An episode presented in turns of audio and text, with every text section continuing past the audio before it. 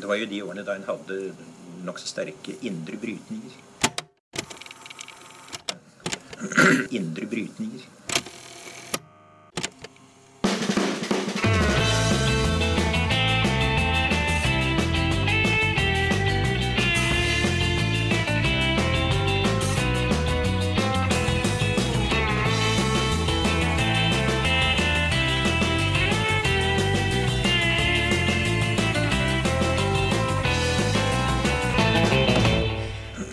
Velkommen til Noen har snakket sammen. Mitt navn er Tiril Rustan Halvorsen.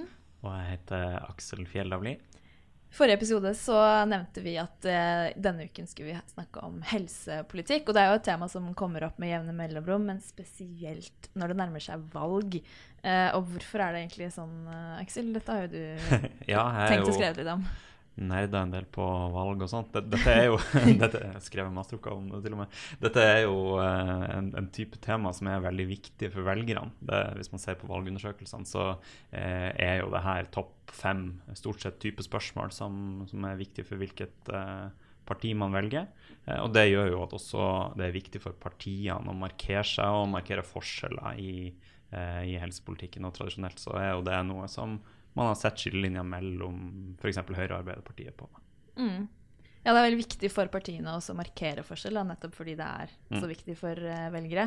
Uh, og vi har fått i studio uh, rådgiver i Tankesmien Agenda, Sigrid Hagerup Melhus. Velkommen hit. Tusen takk. Eh, helsepolitikk er jo, helseøkonomi er jo noe du også har studert og skrevet mye om. Og du skal eh, hjelpe oss i dag med å forstå litt hva den store helsedebatten egentlig handler om. Men, men først kan vi jo stille deg spørsmål om hva, hvordan har den debatten gitt seg utslag akkurat i denne eh, omgangen, eh, nå i dette valgåret? Ja, altså helse er jo et veldig stort felt. Eh, og det handler om veldig mye, og som Aksel sier, så er det stort sett alltid et tema i valget. I tidligere stortingsvalg så har helsedebattene handlet f.eks. om eldreomsorgen, om sykehustilbudet i hele landet osv. Det som er litt sånn annerledes denne gangen, eh, mot valget i 2021, eh, tyder mye på, da, nå et år før, det er at eh, helsedebatten blir enda tydeligere delt mellom høyre- og venstresiden i politikken. Fordi nå kommer de store ideologiske forskjellene fram. Det er ulikhet i helse mellom fattig og rik, og i hvilken grad man skal ha enda flere private sykehus da, inn i den offentlige helsetjenesten.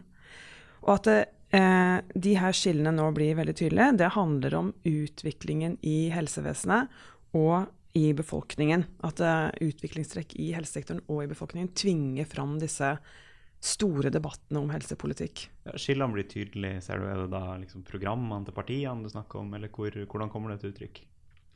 Eh, ja, så nå har vi jo bare fått eh, programutkastet da, til Høyre, eh, så vi har ikke sett de andre programmene ennå. Men vi ser jo av debatten som går, at eh, det begynner å komme mer debatt om eh, hva skal jeg si, de store veivalgene i helsepolitikken. da.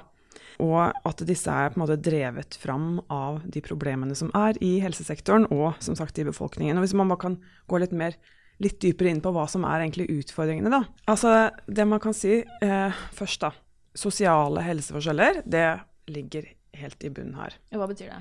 Jo, altså eh, Hva skal jeg si. Det er, det er ubehagelig for oss alle å tenke på, men det er sånn at i Norge så har vi veldig store eh, helseforskjeller i befolkningen, avhengig av inntekt og utdanningsnivå. Og det er ikke sånn at det er en sånn liten marginal gruppe eh, av folk som lever veldig usunt, eh, som har dårligere helse sammenlignet med alle oss andre. Det er faktisk sånn at eh, ulikheten på helsefeltet det er som en trapp der vi alle har vår plass, og de aller fleste av oss en, på et lavere nivå enn vi egentlig skulle ønske oss. da. Vi kan ta et eksempel. da. Hvis du er en ressurssterk mann eller kvinne på rundt 40-50 år i en vanlig eh, god jobb med en vanlig god inntekt, så er du en del av ulikheten. Fordi de rikeste 25% i Norge de kommer til å leve lenger enn deg. Og de ekstremt rike de lever lengre enn de moderate rike. Og størst og mest urettferdig er selvfølgelig forskjellen mellom de som er fattigst og de som er rikest. Men det, måte, ulikheten preger oss alle, da. Og det er ikke måte, I tillegg til dette her, så er det også sånn at eh, vi har hatt store ulikheter, eller sosiale helseforskjeller i Norge, i mange år. Og de siste 15 årene så har faktisk forskjellene økt. Kommer det av at ulikheten ellers har økt, eller er det noe med helsevesenet som gjør at uh, ulikheten i helse fortsetter å øke? Altså, hva skal jeg si Den største, eh, altså, den største kilden til sosiale helseforskjeller i Norge, den oppstår utenfor helsevesenet. Eh, og når f.eks. økonomisk ulikhet øker, så er det naturlig å tenke at også den sosiale helseforskjellen øker. Eh, men det er også sånn at helsevesenet kan eh, hva skal jeg si, reprodusere eller forsterke helseforskjellene. Og det er det mye forskning som tyder på at det både kan, og ja, i noe varierende grad mellom ulike områder. Mm. Men altså, det er veldig mange da, forskjellige forklaringer på helseforskjeller i Norge. Men de aller fleste er jo nok enig i at, de, at tilgang til helsetjenester ikke bør være en viktig forklaring for at vi har helseforskjeller. I den forstand at det ikke er akseptabelt? Ja, mm. at det ikke er akseptabelt. Ja. Og nettopp derfor så er jo nordmenn er veldig glad og stolt av helsetjenesten, at vi tilbyr lik tilgang til helsetjenester. Eh, eller som har som mål da, å til, tilby lik tilgang til helsetjenester til alle. Men også denne her stoltheten slår eh, sprekker. Ni av ti av nordmenn sier at de er veldig fornøyd med den offentlige helsetjenesten. Så det er liksom den ene siden av det. På den andre siden så, så, er veldig mange bekymret for den utviklingen som er i helsetjenesten i dag. Veldig mange er bekymret for om de får tilgang til behandling som de trenger, f.eks. hvis de blir kreftsyke, og de er bekymret for todeling i helsetjenesten. Ja, for det er et begrep man hører en del. Hva, ja. hva er det for noe? Ja, det fører meg da over på den hva skal jeg si, utfordring nummer to i helsepolitikken i dag. Hvis man sier den første er sosiale helseforskjeller. Den andre er denne todelingen. Todeling handler om flere ting, f.eks. dette med helseforsikringer. For i dag så har over 600 000 nordmenn en privat helseforsikring. Og i tillegg så leser vi stadig om historier om folk som har råd til å kjøpe seg privat eh, behandling, f.eks. kreftbehandling, som da ikke tilbys ved offentlige sykehus. Og så leser vi også om de som ikke har råd til å betale for privat behandling. Senest forrige uke så hadde NRK en eh, sak om en far som skulle selge bilen sin for å samle inn penger til datteren sin for kreftbehandling, som var tilgjengelig ved privatsykehus i Norge, men som ikke tilbys i den offentlige helsetjenesten. Hvorfor blir det sånn forskjell på hva det offentlige og det private tilbyr? Ja, Det er også flere grunner til. Altså, det kommer bl.a. av disse beslutningsprosessene for innkjøp av nye medisiner og prisen på nye medisiner. Mm. Eh, det er jo måte, altså det er eh, grenser for hvor mye staten kan betale for medisin med usikker eller kortsiktig effekt. Da. Og kostnadene for legemidler har økt veldig veldig mye de siste årene. Altså Man har prosesser for å måte, vurdere hvilke medisiner som skal tilbys i den offentlige helsetjenesten, og, og, noe som heter Beslutningsforum, da, som avgjør det. Og da ser man både på effekten, eh, og den må være godt dokumentert over tid. Eh, og så er det selvfølgelig et, et prisspørsmål også. Mm. Um, og så er det sånn at det er mange medisiner som selges, eller som er tilgjengelige da, i Europa, uh, uten at de er um, en, altså at, at, de ikke er blitt vurdert ennå, da, uh, og har kunnet uh, vise til gode nok resultater ennå i den no, norske helsetjenesten. Og derfor så blir de ikke en del Altså de er ikke tilbudt i den offentlige helsetjenesten. Og det her tilbudet da, av stadig nye, dyre medisiner, det drives fram av en Eh, etterspørsel i et globalt og også privat helsemarked, som er veldig, veldig annerledes enn det norske. Men det påvirker på en måte den norske velferdsstaten, da, den norske helse, offentlige helsemodellen. Fordi det internasjonale helsemarkedet i større grad er basert på forsikringer og privat kjøpekraft? Nettopp, ja, ja. for eksempel. Mm. Eh, du formulerer jo to utfordringer her. Eh, det ene handler om, om, sosial ulikhet, og det andre handler om en todeling av helsevesenet med private aktører. Mm. Eh, det kan jo på en måte høres litt ut som en problembeskrivelse fra Venstre, eh, mens man kan se for seg at en, en, en person på høyresida ville sagt at nei, det er viktig å gi eh, pasienten mer autonomi og valgfrihet som pasient, mulighet til å velge mellom ulike tilbud osv. Uh, er problembeskrivelsen lik på høyre- og venstresida, men man har bare ulike løsninger, eller uh, hva, hva, er forskjellen, liksom? Nei, altså, jeg, jeg vil si at problembeskrivelsen er relativt lik. Altså begge sider av politikken måtte anerkjenne problemet med uh, sosiale helseforskjeller og med denne todelingen av helsetjenesten. Og I tillegg så er det også sånn at helsepolitikken, og det er også bred enighet om, er nødt til å imøtekomme problemet med eh, hva skal jeg si, pengebruk. da, Fordi helsetjenesten er veldig eh, Altså etterspørsel eh, og behov for helsetjenester i befolkningen det er alltid større enn hva som tilbys. Eh, og, og, på helsefeltet så er det også sånn at det faktisk jo mer helsetjenester som tilbys, jo mer eh, øker etterspørselen. Eh, og det gjør at man har veldig, veldig stort behov for å prioritere veldig tydelig i helsetjenesten og sikre god Altså at pengene blir brukt godt, da, for å si det sånn. Eh, så med de, liksom, dette utgangspunktet, sosiale helseforskjeller, todeling av helsetjenesten, behov for å sikre god pengebruk, alle de tingene er man ganske enige om eh, på tvers av, på tvers av eh, ja, de ulike sidene i politikken. Men så er det sånn at løsningene er veldig forskjellige. Eh, og regjeringens svar har vært å slippe til flere private aktører i den offentlige helsetjenesten, mens venstresiden har sagt veldig tydelig at de har lyst til å prioritere de offentlige sykehusene. Og det her er jo det på en måte store skillet hvor høyre- og venstresiden oppstår. For det er veldig store ideologiske forskjeller i helsepolitikken nå, men språkene og begrepene da, er litt sånn uh, utydelige. Uh, ja. Og det som har skjedd, er jo at man de siste årene har bygget opp et veldig stort privat helsemarked. Eller et marked av private helseaktører i helsetjenesten i Norge. Mye skjer faktisk ved hjelp av offentlig finansiering. Eh, og vi snakker om fritt behandlingsvalg, som regjeringen vil ha, og fritt sykehusvalg, som Arbeiderpartiet og opposisjonen vil ha. Det høres jo veldig likt ut. Kan du ja. forklare hva forskjellen er? Ja. Fritt behandlingsvalg og fritt sykehusvalg høres veldig likt ut, men det er veldig forskjellige. Og det at vi bare får begynne med fritt behandlingsvalg først, da.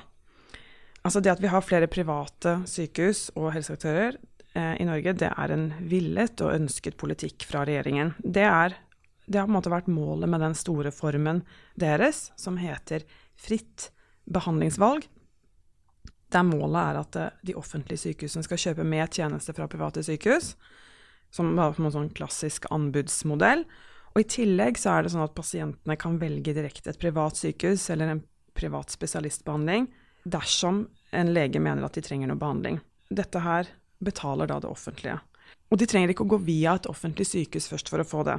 Ja, for kan du bare si noe om hvordan måte, gangen er? Du går til fastlegen din. Altså, mm. hvordan, når er det disse valgmulighetene presenteres for deg? på en måte, og mm. Når er det du må velge? Altså, La oss si man har vondt i en fot, da.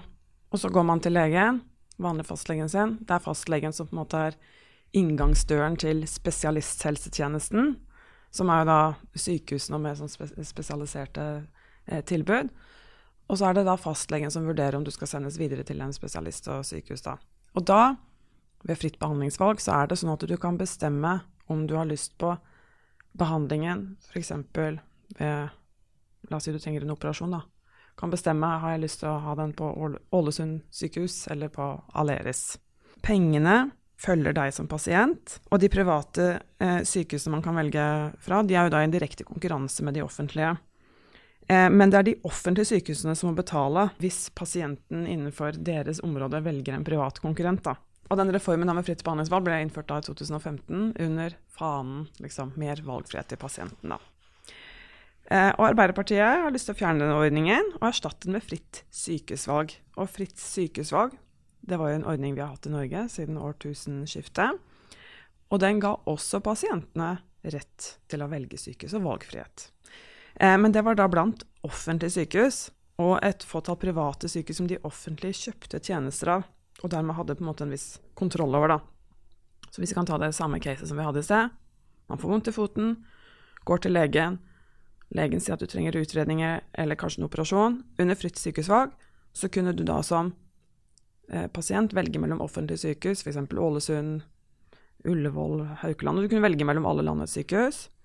Eh, og du kunne velge mellom private sykehus eh, hvis noen av helseforetakene eh, kjøpte tjenester gjennom anbud. Men hva blir da forskjellen eh, på Aleris med og uten avtale med det private. Men først så må man jo bare si det at, det at man får nye ideer og nye Altså prøver ut nye politiske løsninger i en innenfor så kostbart og omfattende område som helsepolitikken, det er bra. Det er veldig, veldig bra. Det trengs. Men et minstekrav eh, bør jo være at da nye, dyre reformer som eh, Altså at man vet at de fungerer i praksis, og at det på en måte ikke er ideer eller konsepter som, eh, som, blir vanskelig å gjennomføre i praksis, og som på en måte ikke møter de grunnleggende behovene man har i helsesektoren, altså kostnadskontroll, god prioritering, lik tilgang, god kvalitet til alle osv. Eh, det er jo her man på en måte kan si at det, det har sviktet da, i, i forskjellen mellom måte, hva som kan være en Eh, ser bra ut på skrivebordet, og hva som måte fungerer godt i praksis komplekst, innenfor et veldig komplekst område som helsesektoren er. Da. Hvis vi ser på målet med denne ordningen fritt behandlingsvalg, så var det å redusere ventetider, øke valgfriheten og stimulere til økt effektivitet i offentlig sektor. Og todelingen skulle bremses fordi alle kunne da velge privat, finansiert av det offentlige. Og det er verdt å si også at det sosial eh, ulikhet i helse, som vi snakket om i sted, som er et av de aller største problemene i helsepolitikken i Norge, det var ikke nevnt i denne proposisjonen om fritt behandlingsvalg når eh, ordningen ble inn, eh, vedtatt i 2015. Høyresiden sier jo at de nå har innført pasientens eh, helsevesen, og at valgfrihet er så viktig. Og det har, kan man jo si at de med denne reformen har lykkes med, eller? Altså, valgfrihet i helsevesenet er eh, viktig, og det er det også bred politisk enighet om. Tidligere så hadde man jo ikke noe særlig valgfrihet i, helse, i helsetjenesten, men det ble jo innført i 2001 med denne fritt sykehusvalg. Det at pasientene får valgfrihet Jeg tenker jo at det er en, det er en verdi i seg selv, da. Eh, at man, hvis, hvis, man ikke vil på Ullevål sykehus, så kan man dra til eh, Ålesund eh, eller hva som helst. Men forskjellen eh, mellom høyre- og venstresiden kan man jo kanskje si at mens venstresiden mener at valgfrihet er et gode i seg selv, eh, og derfor vil ha valgfrihet eh, for pasientene, for offentlige sykehus, da, så mener høyresiden kanskje i større grad at valgfrihet er et virkemiddel for å oppnå noe annet. Altså en konkurranse og effektiv ressursbruk og alt sammen i helsetjenesten. At de offentlige sykehusene skal på en måte stramme seg opp og bli motivert til å levere eh, bedre i konkurranse med private. Med fritt behandlingsvalg så blir det jo sånn at man får dekt øh, kostnadene øh, for private sykehus. Sånn sett kan man jo si at det reduserer ulikhet i helsevesenet. Hva er problemet da? Altså Man bygger jo opp et marked av private helseaktører. Man har liksom en, men litt sånn, hva skal jeg si, Det er gråsoner. da. På den ene siden så har man de offentlige helseaktørene og off som tilbyr eh, operasjoner, f.eks. Og så har man da eh, de private eh, sykehusene som tilbyr helt private behandlinger som du kunne gått og betalt av egen lomme. Og så er det en mellomting, og det er da disse nei, private aktørene som du kan gå til og ta med deg offentlige penger, altså fra Pga. fritt behandlingsvalg. På grunn av fritt behandlingsvalg, og fordi, og, og få behandling. Fordi pengene følger pasienten, ja, i direkte konkurranse med de offentlige sykehusene som er jo på en måte en mellomting, da, en gråsone mellom det hele offentlige og det hele private. Og, og, med det så bygger du jo opp et eh, veldig stort eh, privat helsetilbud i Norge som også overlapper noe med det helprivate. Mm. Um, altså samme selskap tilbyr både denne pengefølg pasienten-behandlinga ja. og en, et betalingstilbud. Ja. Grunnleggende krav når man innfører en stor helsereform, det er jo at man vet at den fungerer i praksis, og at den imøtekommer de store utfordringene som er i helsevesenet, som vi snakket om innledningsvis. Sosiale helseforskjeller, eh, hindrer todeling, og at den sikrer god og effektiv eh, pengebruk og god prioritering etter medisinske behov, og ikke etter lommebok. Da. Og det er jo her man kan si at det, eh, altså at det har sviktet under den sittende regjeringen. Eh, og eh, mer konkret, da, hvis man skal si hva problemet er, så er det f.eks. det ene at kostnadskontrollen forsvinner. Fordi eh, de private sykehusene i fritt behandlingsvalg de presser de offentlige i et slags sånn nullsumspill. F.eks. så så man i vinter at ledelsen ved landets største offentlige helseforetak, Helse Sør-Øst, de sendte brev til helseminister Bent Høie om sin bekymring med fritt behandlingsvalg. Der skrev de at private sykehus som ikke hadde nådd opp, nådd opp i anbudskonkurranse med helseforetaket, nå eh, var, eh, sto fritt fram til å tilby tjenester til pasientene. Og pengene følger pasientene, og det er de regionale helseforetakene som betaler sine konkurrenter fra egne budsjetter. Og på samme tid så må da disse offentlige regionale helseforetakene planlegge for behandling for befolkningen i sitt område, i sine budsjetter og i sin kapasitet. Så det blir på en måte sånn dobbel pengebruk, da. Man kan risikere dobbel pengebruk. Og det er veldig vanskelig å få til en effektiv og god eh, pengebruk og god prioritering. Fordi nå blir det i større grad opp til pasienten selv å, å vurdere om det private tilbudet er bra nok? Absolutt. Nettopp. På en måte stridens kjerne i eh, valget nå framover er jo bl.a. at Høyre i sitt program har programfesta at, at uh, ordninga med fritt behandlingsvalg skal utvides til flere områder. Uh, for det har jo uh, blitt innført på, på, noen områder, men gjelder jo ikke absolutt hele helsetjenesten ennå. hva kan konsekvensene bli uh, hvis man utvider dette til flere områder? Du har jo nevnt noen ting som liksom, det å bygge opp et dobbelttilbud og det at man eh, blåser opp et privat helsevesen osv. Er, er, er det dette som er det sentrale, eller er det andre ting som er viktig? Nei, altså det er flere utfordringer som kan komme av, uh, av at man har et sånn eh, fritt behandlingsvalg da, på siden av det offentlige. Eh, og man kan si det, Hvis man setter litt på spissen, så kan man si litt sånn problemet med at bukken passer havresekken. Fordi eh, private tilbydere som finansieres av det offentlige for å behandle da en tredjepart, pasienten, altså de skal sjonglere veldig mange hensyn. Ofte så er det jo umulig for en pasient å vurdere kvaliteten ved ulike tilbydere, med mindre man selv er helseekspert, og det er jo de færreste. Eh, så tilbyderne har mer ekspertise enn pasienten. Eh, sånn og da kan man få problemer med såkalt tilbyderstyrt etterspørsel. Fordi eh, da eksperten, altså helselegen eller hvem det er eh, de private, eh, hos de private, oppfordrer pasienten til å etterspørre mer tjenester enn nødvendig. Og det er jo en særlig risiko med private aktører som utelukkende tjener penger for hver pasient de behandler. For de har jo interesse av flere og dyrere behandlinger som pasientene ikke har noen kostnader ved å, å takke ja til. Og det som er, at overbehandling Eller man hører ofte i helsevesenet om at det er pasienter som ikke får behandlingen de skal ha. Men det som ikke er like kjent, er at overbehandling er også et veldig stort problem i helsevesenet. At man behandler pasienter eh, unødvendig og for mye. er alvorlig både for folks eh, helse og for landets eh, økonomi. Og privatisering kan forsterke det problemet. Og så er det også et siste, eller tredje utfordring da, som er også velkjent. Eh, med flere private, altså et sterkt privat innslag i helsevesenet eh, når penger følger pasienten. Og det er jo at det, det kan være lurt å velge de letteste først. De pasientene som er mest lønnsomme. Altså pasienter med enkle lidelser som er lette å behandle, kan bli foretrukket, mens pasienter med sammensatte lidelser og med sånn usikre utsikter, de mest kostbare, eh, de kan bli sendt til det offentlige. Og det offentlige må jo betale for disse private enkle, altså behandling av disse enkle lidelsene hos private aktører, selv om de kanskje ville prioritert annerledes hvis de hadde hatt eh, helheten, altså det helhetlige ansvaret for pasientene og behandling av pasientene i det offentlige.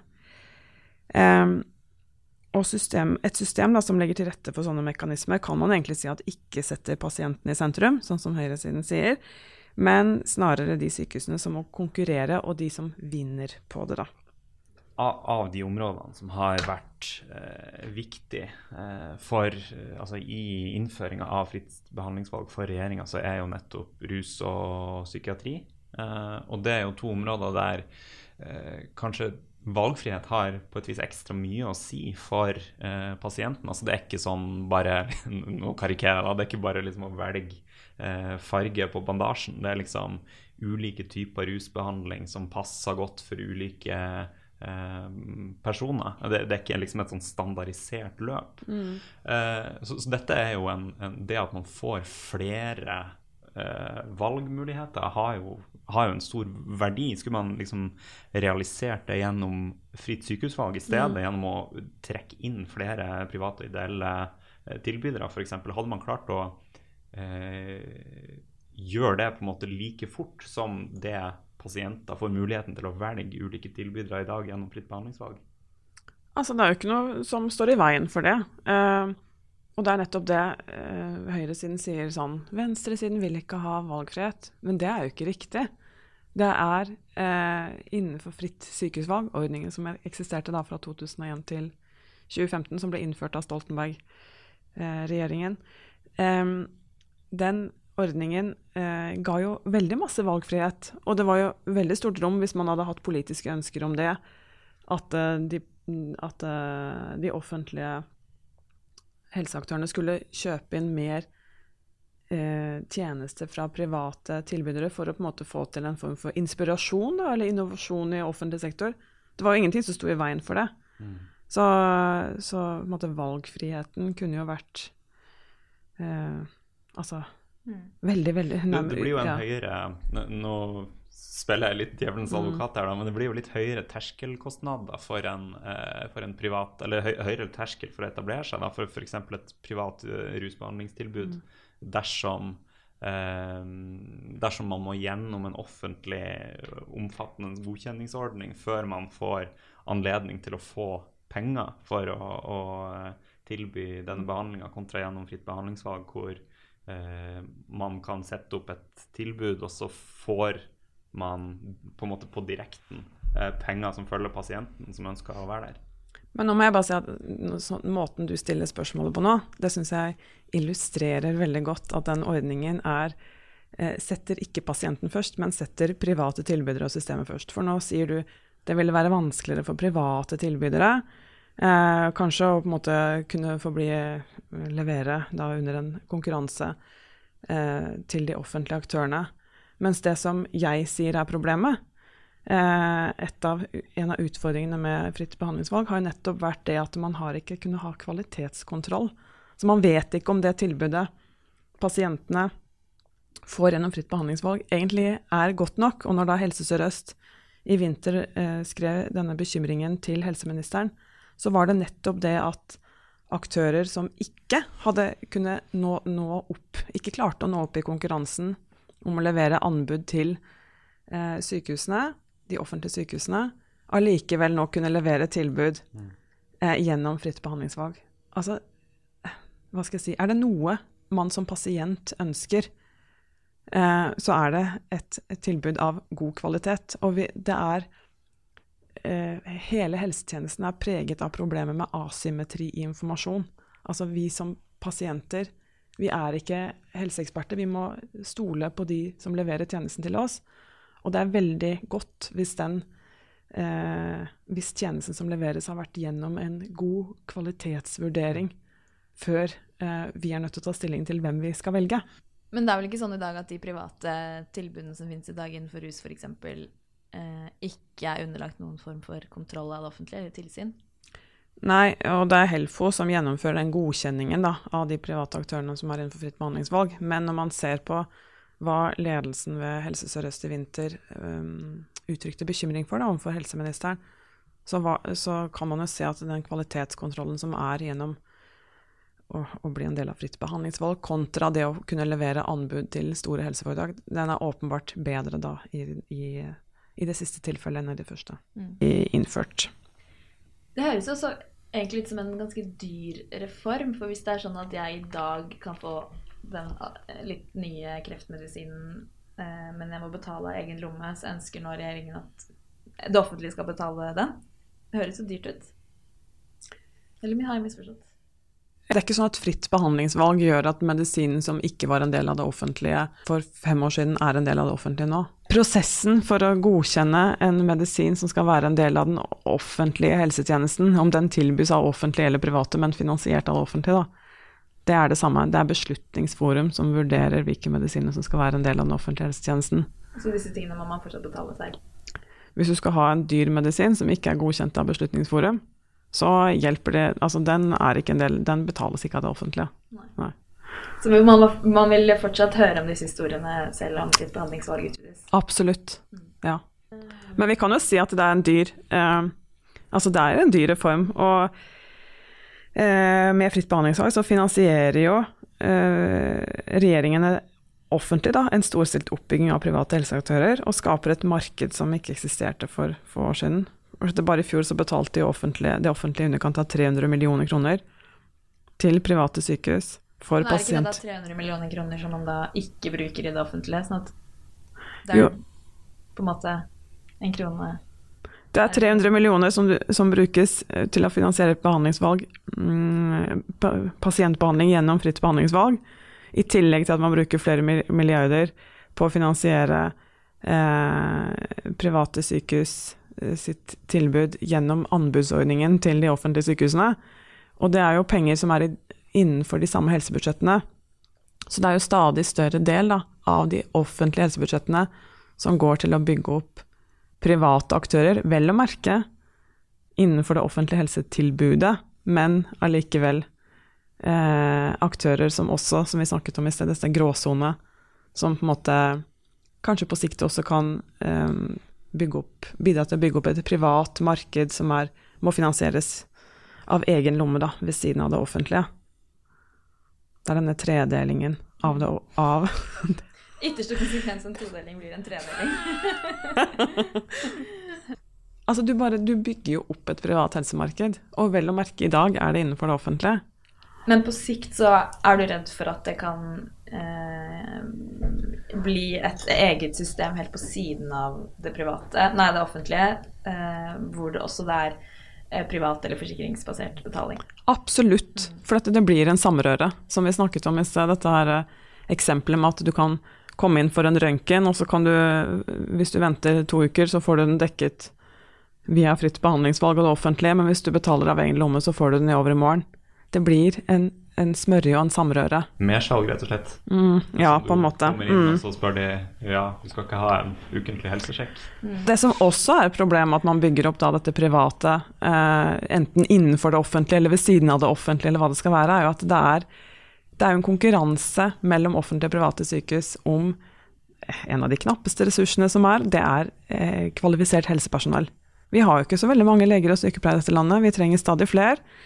Um, og en god del av de eh, jobber både i offentlig og privat sektor samtidig, som også medfører noen sånne eh, hva skal jeg si, utfordringer med mulige interessekonflikter.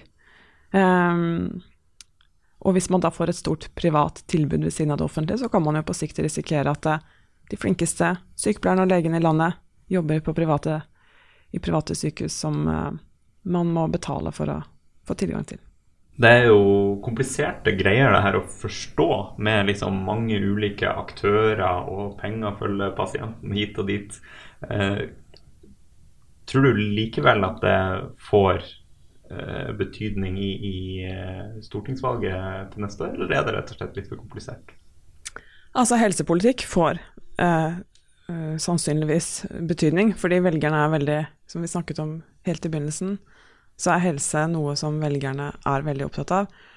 Og nå, dette her på en måte henger jo sammen, selv om nå er vi, vi er langt nede i grøten, på en måte, i detaljene om eh, private og offentlige, eller private i offentlige osv., eh, private markeder. Men det henger jo sammen, og det kobles på de store trendene i samfunnet, som handler om økende forskjeller mellom folk, mellom eh, fattige og rike, eh, sosiale helseforskjeller, og eh, følelsen av måte Eller betydningen av velferdsstaten da, for veldig mange. Og under koronakrisen så har vi jo alle sett eh, hvor avhengige vi er av velferdsstaten. Veldig mange som har blitt permittert fra jobb og alt sammen. Så ja, det henger sammen med de store temaene eh, som folk flest er opptatt av, da. Ja, vi får uh, håpe folk har forstått litt da, hvordan man skal navigere denne debatten av å høre på oss uh, i dag. Tusen takk for at du kom uh, til Noen har snakket sammen, Sigrid. Selv takk.